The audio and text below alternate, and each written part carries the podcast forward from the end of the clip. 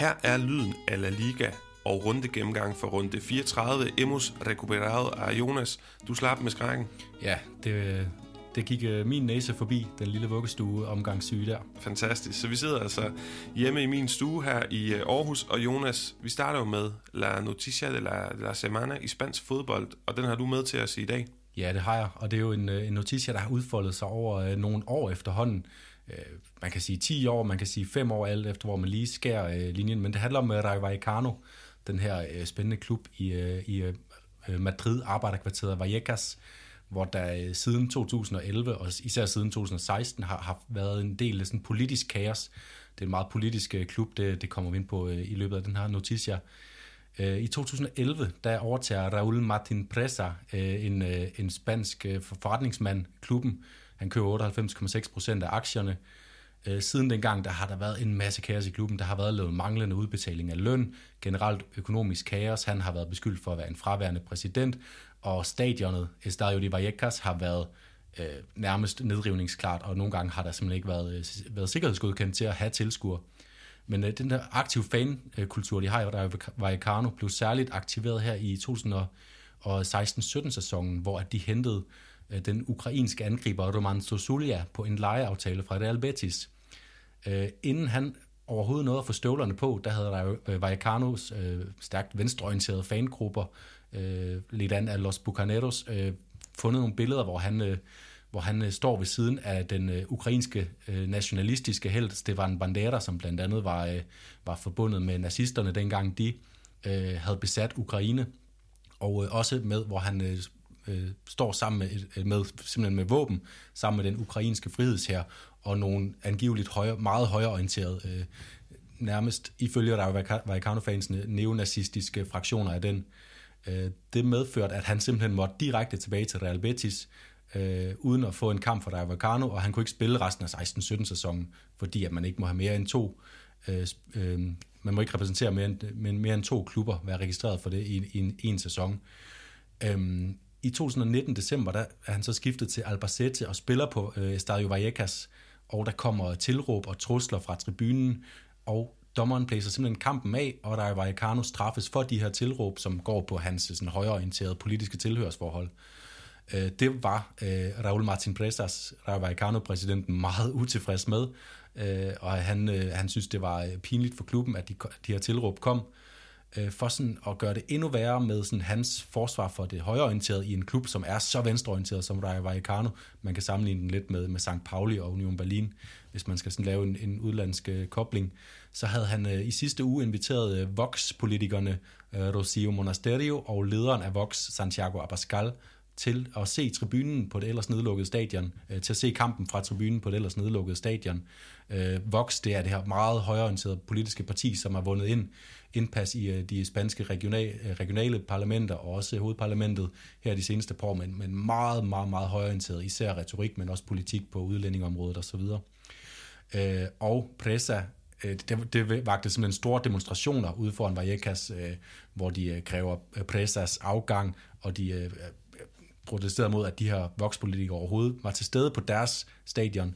Øh, og Presa, han var ude og sige, øh, jamen, jeg har, de spurgte, de var interesseret i at se kampen, og øh, for mig der virkede det fint, fordi at øh, Vallecas er jo et sted, der er kendt for at fagne bredt, og vi vil gerne invitere alle indenfor.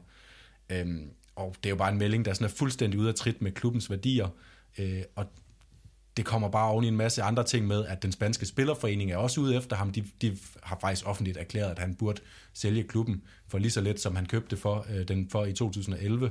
Øh, og det er bare det er nogle værdier, der slet ikke står øh, til måls med Rayo Vallecano, så det er en klub i evigt politisk kaos øh, på grund af de øh, stærke venstreorienterede bånd, som fansene har. Ja, Jonas, jeg har jo været på Vallecas stadion og se, se Rayo et par gange. Fantastisk sted. Øh, når jeg rejser i uden for pandemitid til, til Spanien, så er Madrid ofte stedet, jeg kommer til, fordi der er flest store klubber og flest klubber i, at, at se. Og det første, jeg kigger efter, det er en Rayo Vallecano-kamp. Og de gange, jeg har været der, fantastisk. Altså, man går ind i en boble. Både det barrio, altså det område Vallecas, men også stadionet og, og klubben er helt specielt. Du går ind i en boble, en anden verden. Jeg kan huske, at sådan noget som nummererede pladser, men det findes på din billet, men det findes altså ikke i virkeligheden. Der hersker anarki, og du kan glemme at sidde der, hvor du havde regnet med. Jeg kan huske, at jeg sad med en, en, en, en abuela, altså en bedstemor, der sad med sit barnebarn og røg, øh, hvad skal vi kalde det, jazzcigaretter og sådan noget. Det, det er meget, meget specielt, og der er jo også de her edificios, de her store bygninger, som støder op mod stadion, hvor man lidt ligesom vi kender det A-bar, kan se fra balkongen øh, flot udsyn af, af hele stadion. Og det er også fra de her balkonger, at der var nogen, der havde filmet et par arbejdsmænd for nogle år siden, som stod og hoppede på tribunen øh, lige så forsigtigt for at se, om den overhovedet kunne holde til, at de stod der, og fansene var sådan, hvad er det, I gør ved os? Hvorfor lukker I os ind i hobetal på den her tribune, og endnu en, en, en sag, de har mod deres præsident, som de slet ikke bryder sig om? Men altså en, en meget speciel klub, som adskiller sig rigtig meget fra andre spanske og generelle klubber, efter mit kendskab i, i verdensfodbolden. Øh, der hænger regnbueflag overalt, du kan glemme at købe dine billetter online. Du skal altså møde op ved La giver et par, et par dage før. Så fantastisk klub, og fedt lige at få dem med, Jonas. Det kan godt være, at vi begynder på at snakke lidt sekunda på et tidspunkt, når sæsonen er afrundet, ja. og vi kender oprykkerne. Men med de noticier, så lad os få en breaker, og så komme videre til rundegennemgangen af runde 34. Es un partido que quedará para la historia de los aficionados del Atlético de Madrid y que nos llena de orgullo como club una vez más estar entre los ocho mejores de, de Europa.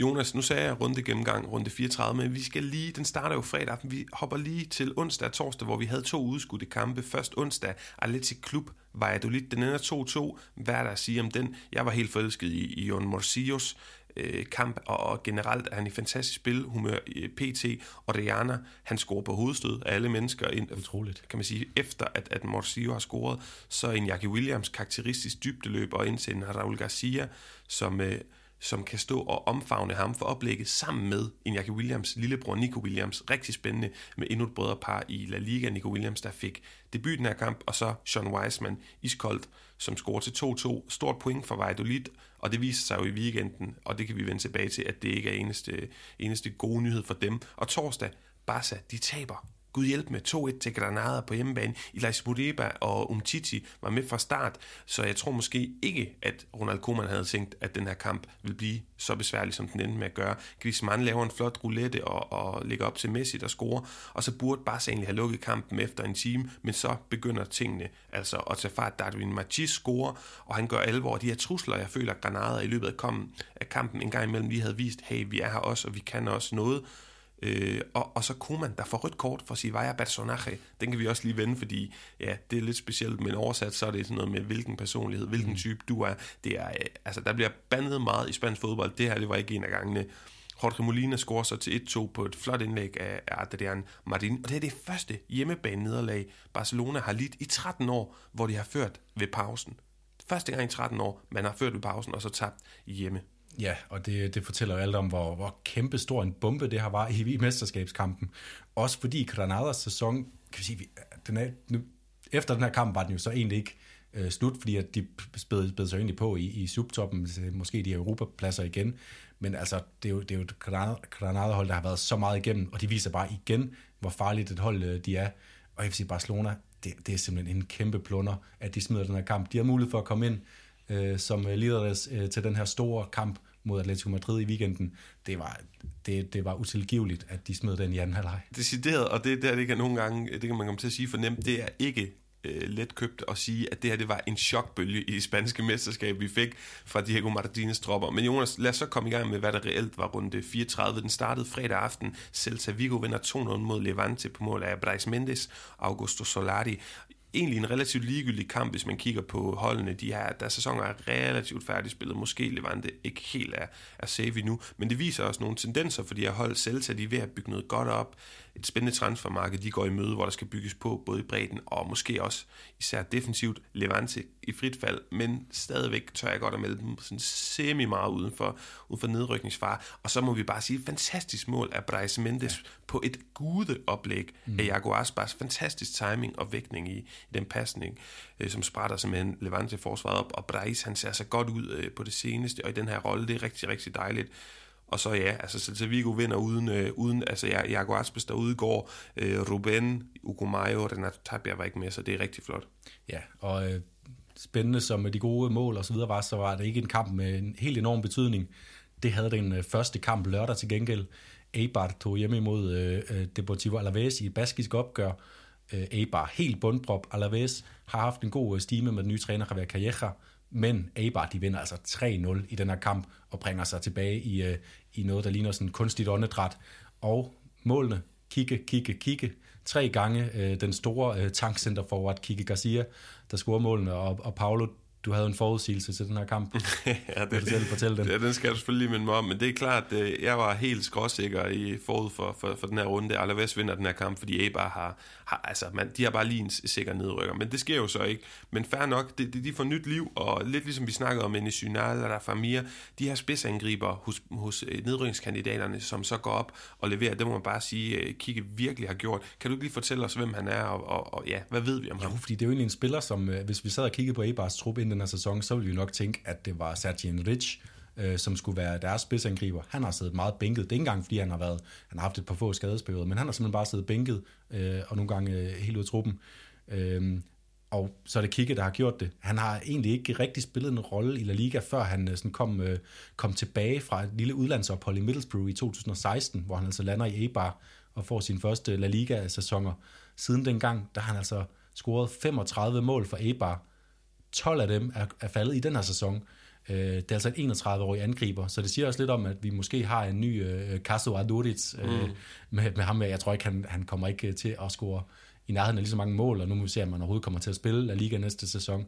Men det er i hvert fald spændende med sådan en gammel angriber, der lige pludselig bare er øh, spydspids øh, og en enmands her for, for A-bar i modstandernes felt. Meget enig, og sådan tilbage til kampbilledet, det var en tidlig føring for A-bar. De var meget dominerende, men de har stadigvæk svært ved at score. Det er jo det dårligste hold i de fem største ligaer i Europa til at ramme målet. Men Kike, han ville det jo anderledes. Hvis vi lige går igennem det første mål, det er fuldstændig vidunderligt. Brian Hill, han laver sådan en pude hætter, altså den, den lander lige så bolden med panden. Lige præcis, og så Kike Garcia, som det ser lidt vildt ud. Han har sådan lidt brasiliansk futsal-spiller og tæmmer den på, øh, på, på skulderen og så videre. Det andet mål, det er sådan en klassisk striker-mål, ind foran sin markør, og så dirigerer den op i nettaget med ydersiden. Og det tredje mål, det er sådan lidt magværdigt, men det er også bare spektakulært flot, fordi fra en skarp vinkel, så smider han den op i det fjerneste målhjørne, som om det var det mest naturlige, man gør, ja. når man spiller fodbold. Står i en presset situation, på baglinjen øh, ind i feltet, bare lige lille træk ud, og så smider den op. Så meget, meget øh, specielt ud. Men vi kender ham jo også for Golassos. Altså han lavede også et tidligere i sæsonen, mener mod det, at det var mod Real Madrid, så, så vanvittig spiller. Og det var på tide for Eibar at få de her øh, tre point, men øh, de har altså stadig fem point øh, til op over stregen, og de har flere hold, der skal overhales. De ligger stadig som bundprop. De har Getafe ude i næste kamp. Den skal de vinde, øh, og de skal nærmest vinde alt, og de slutter mod, øh, mod Barcelona i sidste runde, som måske spiller for et mesterskab. Så det, det ser stadig svært ud for, for Eibar. Og så øh, på den anden side, første nederlag til Callejas Alaves, som dermed øh, er stadigvæk i den grad fedtet ind. Øh, de er stadig et point over stregen, men øh, så han har givet dem den her, den her luft, øh, at, at de stadigvæk selv kan afgøre det, men øh, nu skal de ikke tabe det her øh, momentum, som de har bygget op, hvis Nej, de vil, vil overleve. Og anden kamp, øh, Jonas Lørdag, det var Elche, Atletico Madrid. De vinder 1-0, Atletico Madrid på øh, mål af Marcos Llorente, og det var bare en neglebid, og det har der bare været på for, for, for nylig for Atletico Madrid. Eksemplarisk måde, de er sufrimiento, de snakker om hele tiden ja. at lide. Kan du ikke fortælle os lidt om øh, den her kamp? Jo, altså den kamp, hvor vi havde... Øh, Øh, Suarez tilbage i starteren øh, for det første for Atletico Madrid, vigtigt for dem, Øh, han får skabt nogle fine øh, chancer faktisk. En han skaber selv, men sparker udenom, lidt ukarakteristisk. Endnu mere ukarakteristisk var det, at han fik et mål underkendt for offside. Det er sådan et mål, øh, hvor at, øh, nu kan jeg ikke lige huske, om det var, det var sikkert Marcos Llorente, der kommer fri i højre siden, og så bare skal lægge den på tværs øh, forbi målmanden til Suarez, som skal sparke den ind i et tomt mål, men Suarez han går simpelthen for langt frem, øh, og bliver dømt offside, og det er bare sådan en klassisk angribermanøvre, som man bare ikke må fejle. Øh, og det, det gjorde så, at øh, vi skulle frem til, øh, til lidt længere før de kom foran. Llorente, der scorer endnu en gang, øh, bidrager han. Øh, og det er på et fremragende oplæg fra Carrasco, som øh, er kommet lidt længere frem af banen på det sidste, og det har virkelig givet Atletico noget fra den her venstre side, som ellers har været deres øh, svage side rent offensivt. Han laver et fremragende oplæg til Llorente, som så lidt heldig får, får, øh, får en afrettet ind i, i målet. Jeg synes nemlig, Jonas, at, at han, han, han er, han er kommet lidt længere frem på banen. Der er mere frihed offensivt fra Carrasco. Altså det er ikke længere den her klassiske venstre vingbak, og det klæder han spil, fordi så ser vi nogle af alle de offensive kvaliteter, som vi jo godt ved, han besidder. Og ja. så som du siger, Jordan med målet. Øh, og du prikkede mig på skulderen og sagde, ham der, han er jo ikke rigtig midtbane. Nej, er han, er han længere det? Fordi vi, vi havde den her udsendelse om det spanske landshold, øh, hvor vi øh, prøvede at sige, hvem tror vi kommer til at spille til EM øh, på den her midtbane. Og der var vi begge to meget sikre på, at Llorente i hvert fald tager en af de tre pladser på Luis Enriquez øh, midtbane.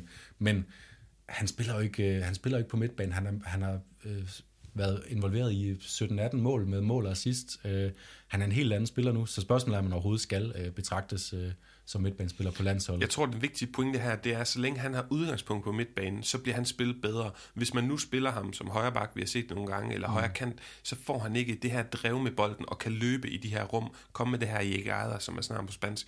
Så det vil være synd ikke at give ham udgangspunkt der, men det er jo rigtigt. Det spanske landshold, vi kender med, med Toge og, og de her meget boldbaseret mm. øh, kamptilgang, jamen der kunne det godt virke som om, han måske ville blive lidt malplaceret som en af de her to meget vigtige otter på det spanske kunne man godt forestille sig, at han så netop får en lidt mere defensiv orienteret. Måske øh, sin holdkammerat Koke øh, ved siden af sig på, mm. på den her, de otte pladser. Men, øh, men tilbage til kampen, øh, Atletico altså foran 1-0, og øh, som vi har set det så mange gange her de sidste par måneder, så begyndte de sådan at, at ryste lidt i bukserne.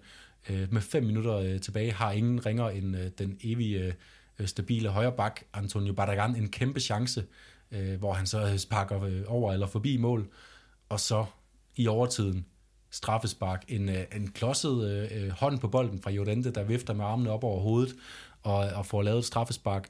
Og så, øh, så bliver der altså kaldt på Oblak igen, som vi jo så redde i sidste øjeblik, et Rosello straffespark mod Alaves for ikke så længe siden.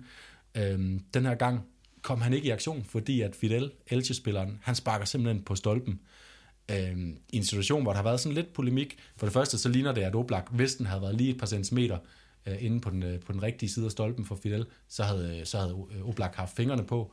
Havde han haft fingrene på, var der så blevet dømt omspark? Ja, det siger i Total González i hvert fald, den tidligere spanske topdommer, som er dommerekspert på øh, radioprogrammet El Argado. Han siger det her med, at, at, at loven er, er strikket sådan sammen, at så længe at, at målmanden ikke influere, at han ikke har indflydelse på udfaldet af det straffespark, så er det ligegyldigt, om spillerne vader ind i feltet, eller om, om målmanden, altså så, så skal der ikke dømmes omspark. Og det har han jo ikke, fordi den rammer stolpen rent. Havde han haft øh, hænderne på, jamen så ville det nok vise sig, i hvert fald ifølge loven, at den her den skulle sparkes om. Så øh, lidt polemik der, det kan du godt lide i Spanien, Jonas, men vi må bare konkludere, at Atletico Madrid, de får med, med lodder og trisser tre point hjem, og er jo stadigvæk, øh, i hvert fald foran i La Liga, jeg synes stadigvæk også, de favoritter, den snak kan vi tage lidt senere, men hold da op. Først en bombe fra Granada, der sender Barcelona lidt ud af kurs, og så Fidel her, der har mulighed for at spille ja. det her altså så åbent, at jeg nærmest ikke kan overskue det her La Liga-race længere. Ej. Men det, det, det forfejler han så, og derfor er Atletico stadigvæk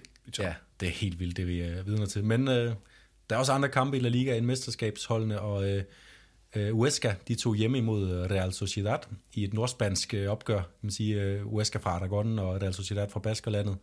Og det blev til en kæmpe vigtig sejr for Huesca, som ligger ned, helt nede i den her bundstrid, øh, på et selvmål af øh, Elostondo, og det er altså øh, Tres Puntos de Oro, som jeg snakker om for Huesca, øh, og Pacheta, deres øh, træner, som, som virkelig har løftet dem her i, i det her kalenderår.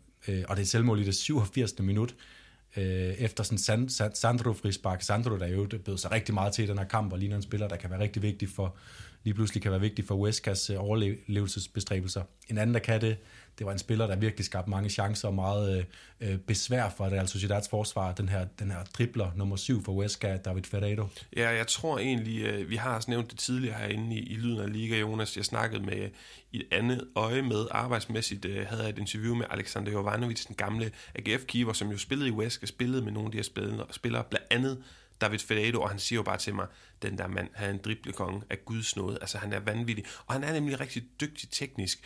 Øh, jeg mener, husk tidligere på sæsonen, at Wesker brugte ham mere som en kandspiller, men nu er han kommet ind, og tit er otteren øh, ved siden af for eksempel Jaime Seoane, og, og det fungerer bare godt. Han kommer mm. ind og får mere fat i bolden, og det er jo ikke farten, der er hans stærke side, det er teknikken, øh, blik for spillet og medspillerne, og så selvfølgelig de her driblinger. Han kan netop gøre sine ting i, i de små områder og skabe noget, noget plads med sine, med sine driblinger. Jonas... Wesker, skal lige sige, sejren med sejrens rykker de op på 30 point. De ligger på den plads lige under stregen med et point op til Alaves og lidt over stregen, fire point op til Getafe. Øh, vigtig, vigtig sejr for, for, at de skal kunne tro på det nu. Meget enig. Godt, du fremhæver det, fordi at, at det kan blive sådan lidt, ja, og de vinder, og, og nedryknings... Hele kampen der kan virke uoverskuelig, især fordi jeg tænker ikke, vi har mange lytter, der er Wesker-fans eller Alaves osv., men vigtigt at få det overblik, fordi tre point her, det er bare kæmpestort. Mm.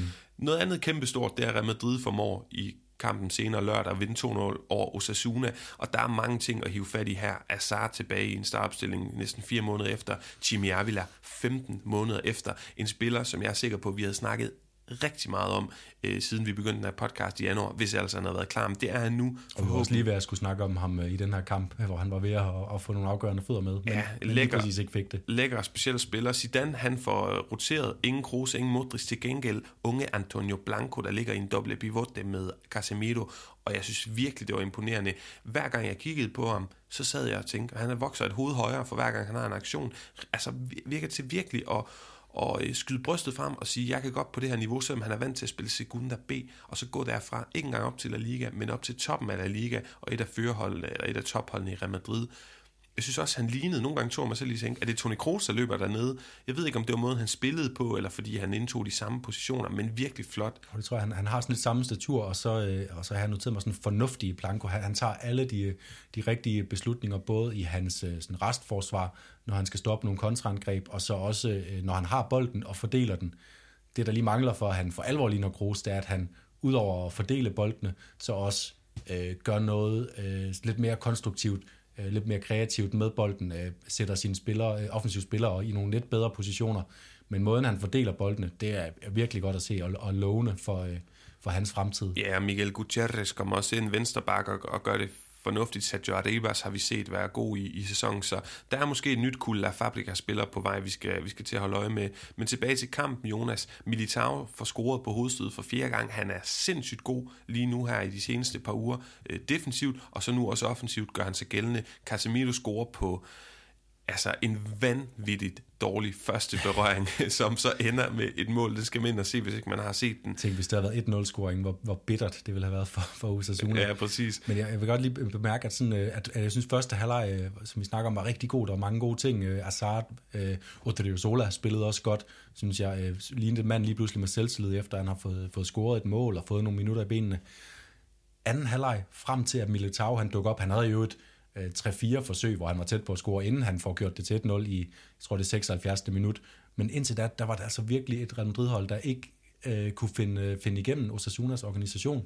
Det lignede lige pludselig til forveksling den her kamp mod Betis, hvor de får 0-0, hvor der bare ikke sker nogen ting øh, på den sidste tredjedel. Og så dukker Militao op, og jeg synes også, Zidans jubelscene ude på sidelinjen, han hoppede op og ned som en lille glad skoledreng. Jeg tror, han var begyndt at blive bekymret for, at det her skulle ende i en 0-0-løsning.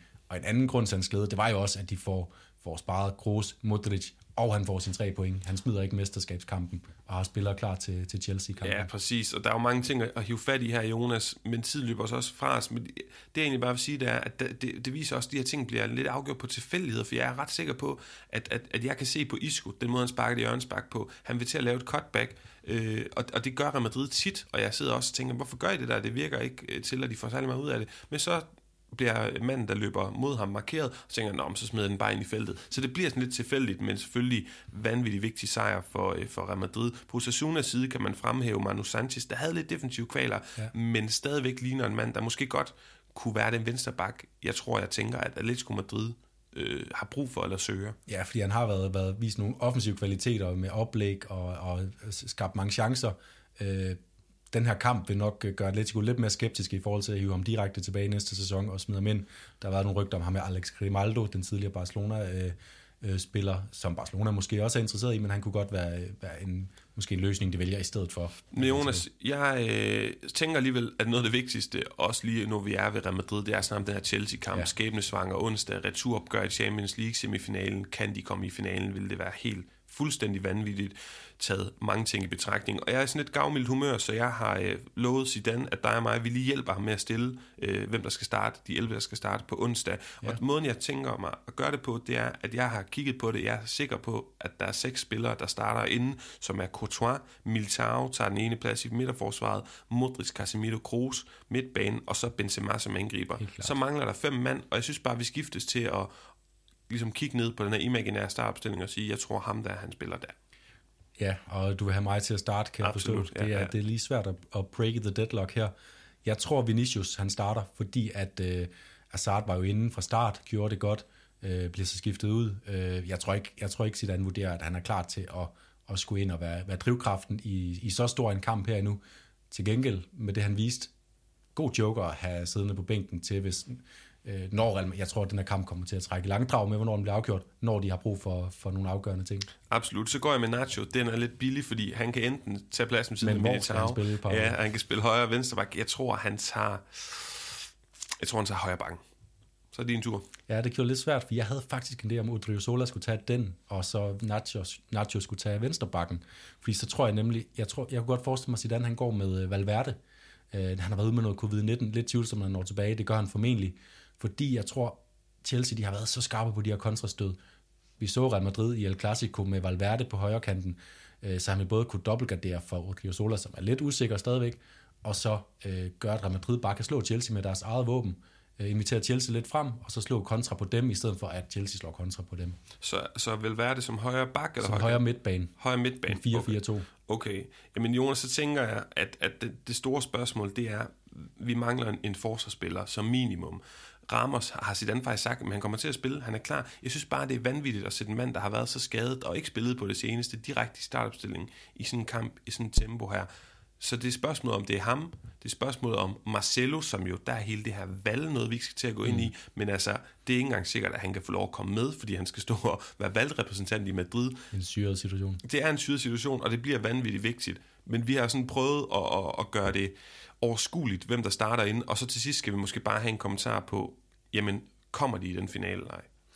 Øhm, ja, det tror jeg. Jeg har spurgt min øh, øh følger inde på iLiga på Twitter. Øh, der, var, øh, der var en lille overtal til, at Real Madrid går videre. Øh, og det er jo egentlig ikke så imponerende på en, på en side, der fokuserer på spansk fodbold, så der burde være lidt optimisme. Men, men jeg tror, at Madrid øh, øh, klarer den. Godt, jamen øh, det tror jeg så ikke, og på den måde så, øh, så har vi en, øh, en, en fod i hver lejr. Jonas, søndag der skal vi videre, Real Valladolid, Real Betis 1-1, det er unge Aitor Ruibal, talentet, der bringer Betis på 1-0, og så Sean Weisman igen. Og altså, Valladolid, der med det her point, efter de også havde fået point onsdag, hopper, øh, altså har et point øh, ned fra, fra, fra nedrykningsstreg. Ja. Og Wiseman, han begynder at vise sig lidt, der er nogle perspektiver, og, og øh, sindssygt flot mål, det her kraftfuldt mål på det her Olazar øh, oplæg. Tre mål og to oplæg har han lavet de seneste syv optrædener, så flot af ham. Og Real Betis syv uafgjorte kampe i streg. Ja. Eller syv kampe i streg uden at tabe er det jo, men seks af dem, og de seneste seks er det altså er uafgjorte. Ja, og det mod, mod Elche, Atletico, Valencia, Atletic Klub, Real Madrid, og så var jeg lyt. Man kan sige, at nogle af dem her, det er måske også derfor, man ikke helt har lagt mærke til det, at de er, er, har manglet sejrene, fordi der har været nogle svære modstandere, men Elche og Vejret lyt, dem skal de selvfølgelig vinde, og, og deres eneste sejr var i øvrigt mod Levante øh, for syv kampe siden. Øh, og deres eneste liganederlag i 2021, det er jo stadigvæk til, til, øh, mod Barca og Sevilla, så det er altså stadigvæk et, øh, et stærkt Betis-hold, men de får bare ikke lige sejrene, og Pellegrini efter kampen, han må ud og give falta di acierto, altså manglen på skarphed foran kassen, øh, skylden, og Borja Iglesias har jo også mistet den Ja. glorie, han lige var oppe og, og få på et tidspunkt Der er, tyd, siden. der er et tydeligt sammenfald der. Han scorer ikke længere, og så har de svært ved at, at lave mål. Men altså, stadig ikke uafgjort konger i La Liga, det er øh, Villarreal med 13. Betis, ja. de er kun på 9 i alt. Og videre til Villarreal Getafe. Villarreal vinder 1-0 på et øh, mål af Jeremy Pino. Villarreal, de havde en pæn opstilling, inklusiv Capoe, som så rødt mod, øh, mod Arsenal. Fra Getafes side, Mata scorer, men det var snæver offside øh, på sådan en dårlig Arsenro-ripost, efter Adam Bardi havde lavet drøn. Han er i øvrigt, vores gode ven Mauro Adam Bardi, den fjerde mest afsluttende spiller i La Liga uden for, øh, uden for feltet. Og har fået noget ud af bestræbelserne. Et par Det må man sige, et par, har et par vanvittige golazos. Men Jonas, Villarreal sejr, det betyder, at de er på 52 point, og langt om længe lukrerer de på de konkurrenters øh, pointtab. Ladeal, de har 53 point, og Betis altså et point under 51 point. Øh, lad os lige prøve at vende Europa League-perspektiverne frem mod det her Arsenal-returopgør. Ja, øh, og øh, der kan man sige, at øh, Villarreal, de, de får en rigtig god, øh, god kamp mod Arsenal i virkeligheden. De kommer foran 2-0, og ligner sådan en kamp, hvor de skal, de, de skal simpelthen afgøre den der på hjemmebane. De har Arsenal nede i sækken. Øh, og lige pludselig så, øh, så, så ender det med, med, med, med en 2-1, kun, kun at blive en 2-1 sejr, hvilket jo da vildt, fordi man havde aldrig regnet med, at det ville blive to øh, tætte dobbeltopgør, men, men vi havde altså muligheden for at, at afgøre det.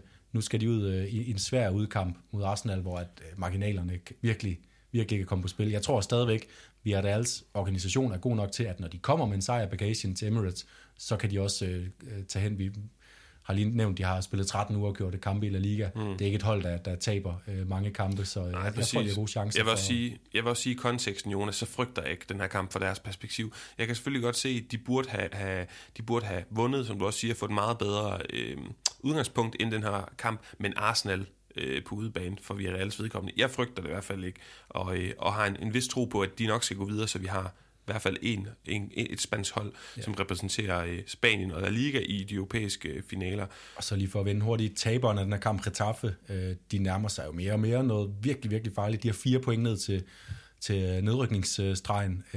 Bordalas, han, han siger stadig, at han er helt tranquilo ude på bænken, snakker om holdets gode præstationer. Og det synes jeg også, han har noget at have det i. De har spillet nogle gode kampe på det seneste, blandt andet mod de store Barcelona og Real Madrid.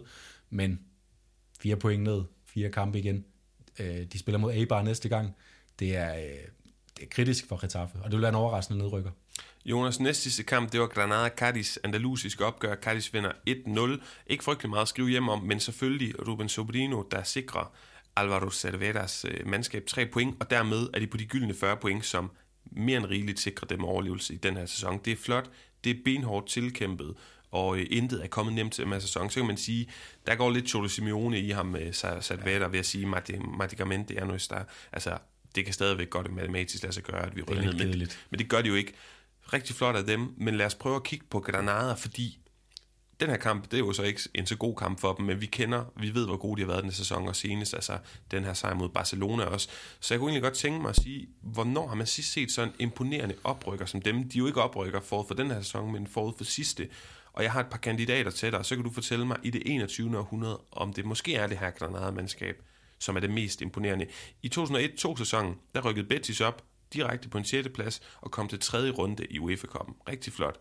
I 3-4-sæsonen, 2003-4, der var Zaragoza i UEFA-koppen via en Copa del Rey-sejr. De sluttede så ikke så flot i ligaen, men Copa del Rey-sejr, hvor de kom til i den efterfølgende sæson en 16 finale. I 2005-6 der var det Celta Vigos tur til at komme på 6. pladsen efter at være rykket op, og også en 16. finale i Europa. Og så altså 13-14 sæson via Real på 6. pladsen, også 16. finale i Europa League, og 16-17 sæson Alaves på 9. pladsen. Der var ikke noget Europa, men de tabte i en Copa del Rey-finale mod mm. Barcelona. Og så er så senest det her Granada-mandskab, som rykkede op forud for sidste sæson, en syvende plads, semifinale Copa del Rey den sæson, og så altså i den efterfølgende sæson, som er den, vi befinder os i nu, kvartfinale i Europa League. De taber til Manchester United. Kvartfinale i Copa del Rey, hvor de er tæt på at eliminere Barcelona. Meget og lige nu, lige nu der ligger de nummer 8 med kun 6 point op til en potentiel Conference League. Ja, og hvem skal vælge dem? Altså jeg synes faktisk, altså øh, de første du nævner, Real Betis, Zaragoza, Celta Vigo, Villarreal, det er på hver sin måde øh, er store klubber, som, øh, som kommer op med en ballast, og man, lige så snart de kommer op, så har man bare forventninger til, at de, at de ligger sig. Øh, Villarreal var jo totalt overraskende, at de overhovedet var rykket ned på det der tidspunkt, øh, efter de havde spillet Champions League, efter at have slået OB ud i, øh, i playoff-runden i øvrigt, øh, den sæson, hvor de rykker ned. Jeg synes, Alaves Granada, det er meget tæt, fordi det er to øh, mindre klubber, som kommer op. De spiller stort set med de samme hold, som de er rykket op med, og de, øh, de klarer det bare godt. Jeg synes, Alaves, det der med, at de kom direkte i, i Copa del Rey-finalen, mens de øh, skulle have deres første sæson i La Liga. Det synes jeg var vildt imponerende, og de får stadig 9. plads. Så jeg synes, jeg synes Alaves var måske stadig lige en tand mere imponerende. Granadas anden sæson her gør så, at man nok kommer til at huske det længere tid. Mm. Og hvis de, hvorfor skulle de ikke fortsætte i næste sæson og få en top 10 placering igen, øh, tænker man nu. Det er jo vildt. Mm, absolut. Jonas, sidste kamp i øh, den her runde, vi når, det er søndag aften, Valencia-Barcelona. Inden vi lige går i gang med den, så vil jeg lige reklamere for, at der ligger en snak, en ny øh, udgave af profilen ude i æderen, ude i vores podcast øh, feed, og det er med Danilo Arieta, som jo var i Valencia ungdomsafdelingen der, øh, også fortæller lidt om Barcelona faktisk, fordi det viser, at han er venner med Jordi Alba, han har spillet mod Lionel Messi i øh, ungdomsregi og sådan noget, så det synes jeg selv var fascinerende, og jeg håber, I vil øh, lytte på det. Men lad os øh, hoppe tilbage til den her kamp, den ender 3-2 til FC Barcelona. Hvad var det for en kamp, det her? Jamen, øh, det var en kamp, som man kunne forvente. Barcelona, de var, var velspillende, de var gode med bolden. Valencia, de stillede sig meget dybt luret på nogle kontra. De havde Guedes øh, oppe foran sammen med Maxi Gomes. Øh, så et forventeligt kampbillede. Valencia havde sågar dobbeltgarderet sig i venstresiden med, øh, med, med Toni Lato, den her venstre bak, som var udlejet til Osasuna sidste år, og ikke har fået meget spilletid foran Gaia, mens de havde Musa, Tjerichev, øh, Lee Kang-in og, og Blanco siddende ude på bænken. Jeg synes faktisk, at Tony Lato gjorde det udmærket i det der tremandsforsvar. Og så senere i kampen, der fik han jo selvfølgelig en meget negativ hovedrolle. Ja, øh, fordi han, han begår jo et, øh, et virkelig ja, virkelig klodset straffespark, og der var sådan lidt snak om, hvorfor, hvorfor skulle det egentlig ikke give, give rødt, mm. fordi han var, han var sidste mand. Messi laver fantastisk chipbold ind til, øh, til Frankie de Jong, som tog et af sine mange dybdeløb, som man gør for tiden, og var god til i den her kamp igen. Øh, og så, tager, så piller han simpelthen ned med hånden for næsen af Frankie de Jong. Øh, inden det her skete, så havde Gabriel Paulista jo bragt øh, Valencia foran, øh, i en, øh, efter en øh, målløs første halvleg, øh, så får vi altså virkelig øh, øh, gang i det, efter, øh, efter øh, da anden halvleg bliver skudt i gang.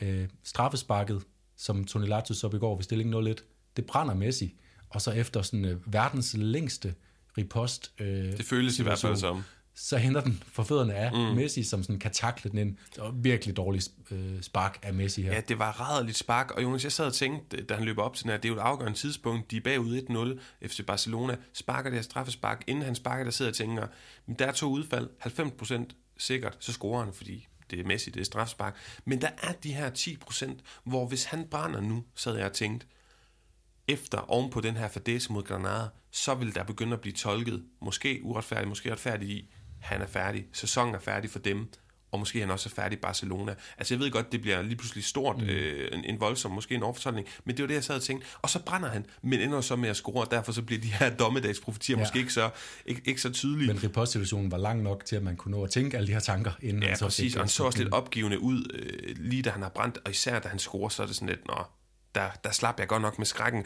Men okay, han, han når at få scoret et sindssygt andet mål, et frisparksmål ja. af en anden verden, fuldstændig fantastisk. Det skal selvfølgelig også, øh, også fremhæves. To mål. Vi så senest, for ikke så lang tid siden, han havde mulighed for at score hat men gav et straffespark til, øh, til Antoine Griezmann. Lille quiz, Jonas. Hvor mange hat øh, har han scoret den her sæson, Lionel Messi? I den her sæson? I den her sæson.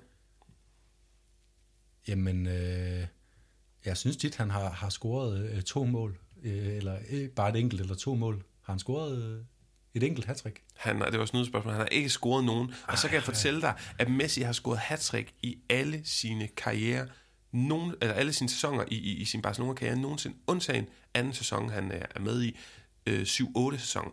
Så det, det er jo meget interessant at, at kigge på, at det er så lang tid siden, han ikke har scoret hattrick, og han har ikke gjort det endnu i den sæson. Der er kun ja, må det være fire runder tilbage for ja. ham at gøre det i. Så det er sådan lidt uh, specielt. Jeg ved ikke, hvor meget man skal, man skal ligge i det. Må ikke han gerne vil have. Og må, og ikke, hvis de får brug for det, at der så også er en chance for, at han, uh, han hiver et op. Nok ikke lige mod Atletico næste gang, men, men uh, så en af de andre kampe. Vi skal også fremhæve Solers mål. Fantastisk ja. mål.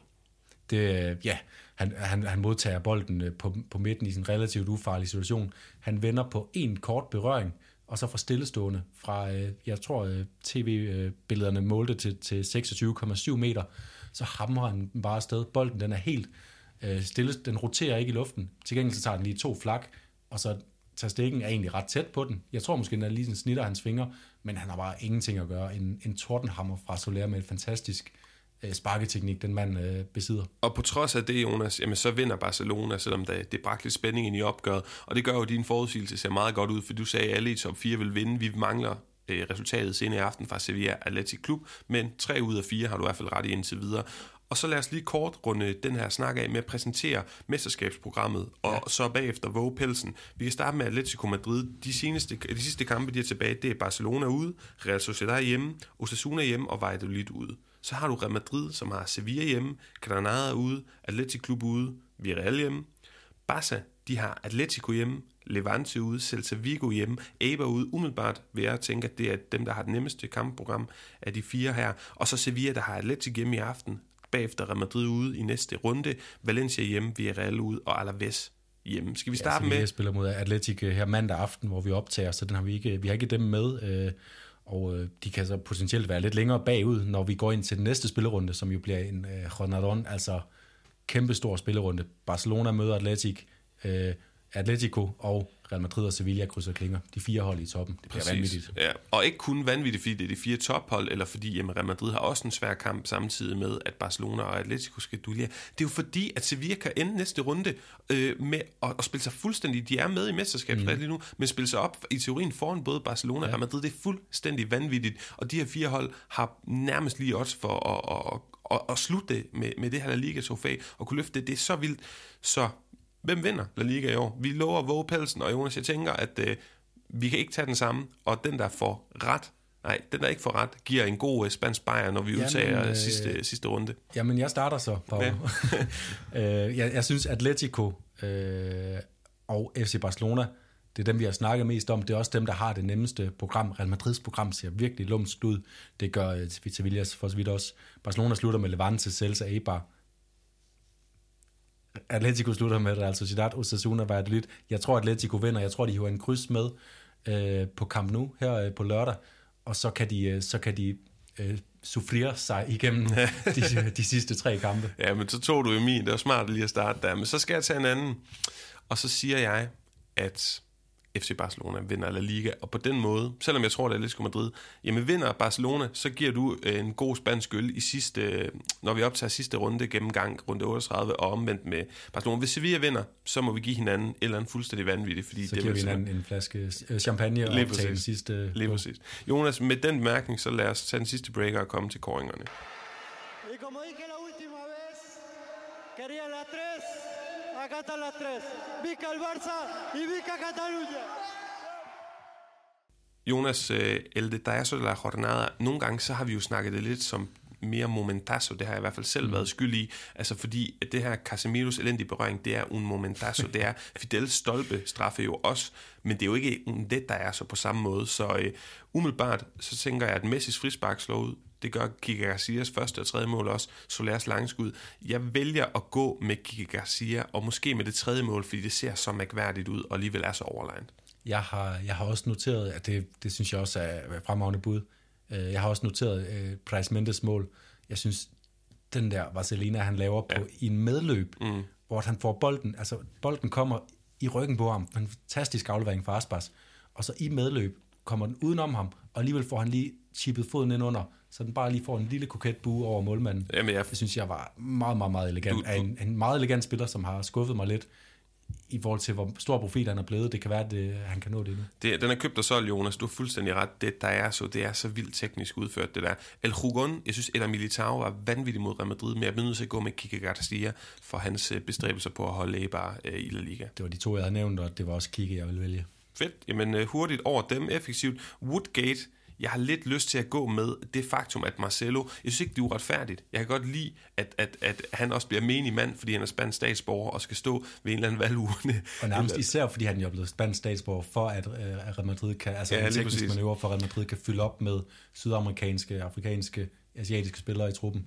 Ja, og alligevel går jeg med det som negativ historie. Vi har jo ikke på den måde defineret, i hvilket sammenhæng, i hvilket perspektiv den skal være negativ, men det her, det er en vanvittig spansk historie, og også lidt utroligt, at det ikke, man ikke kan omgå det her på en eller anden måde, så han kan tjene sine borgerlige pligter på et andet tidspunkt, eller i en anden, ja, i en anden scenarie. Så den, det er min.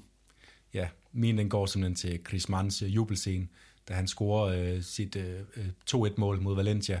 Øh, hvorfor, hvorfor, hvorfor kan han ikke bare øh, juble som en en fodboldspiller, der har scoret et mål bare en enkelt gang. Altså, det der gøjl, og han, øh, han jeg, jeg, får, jeg bliver simpelthen, det, det er fair nok, han gerne vil vise et eller andet, han har indøvet. Øh, jeg, jeg bliver simpelthen så, så vred, hver gang jeg ser det, fordi at det, det er bare slet ikke det, man, man, de følelser, man som, som fan sidder med, når man, når man ser et mål, det, det kommer slet ikke til udtryk i sådan nogle indøvede jubelscener, og øh, det, ja, det er væk med det. Mega fedt. Øh, jeg er altså fuldstændig enig i, at, at, at det skal væk, det der ser lidt rædeligt ud, og sådan lidt cringe, som de unge siger. Ja. Jonas Ramos, den positive historie, det er bare at der siger for, min, øh, for mit vedkommende. Der er ikke mere at sige der for mig.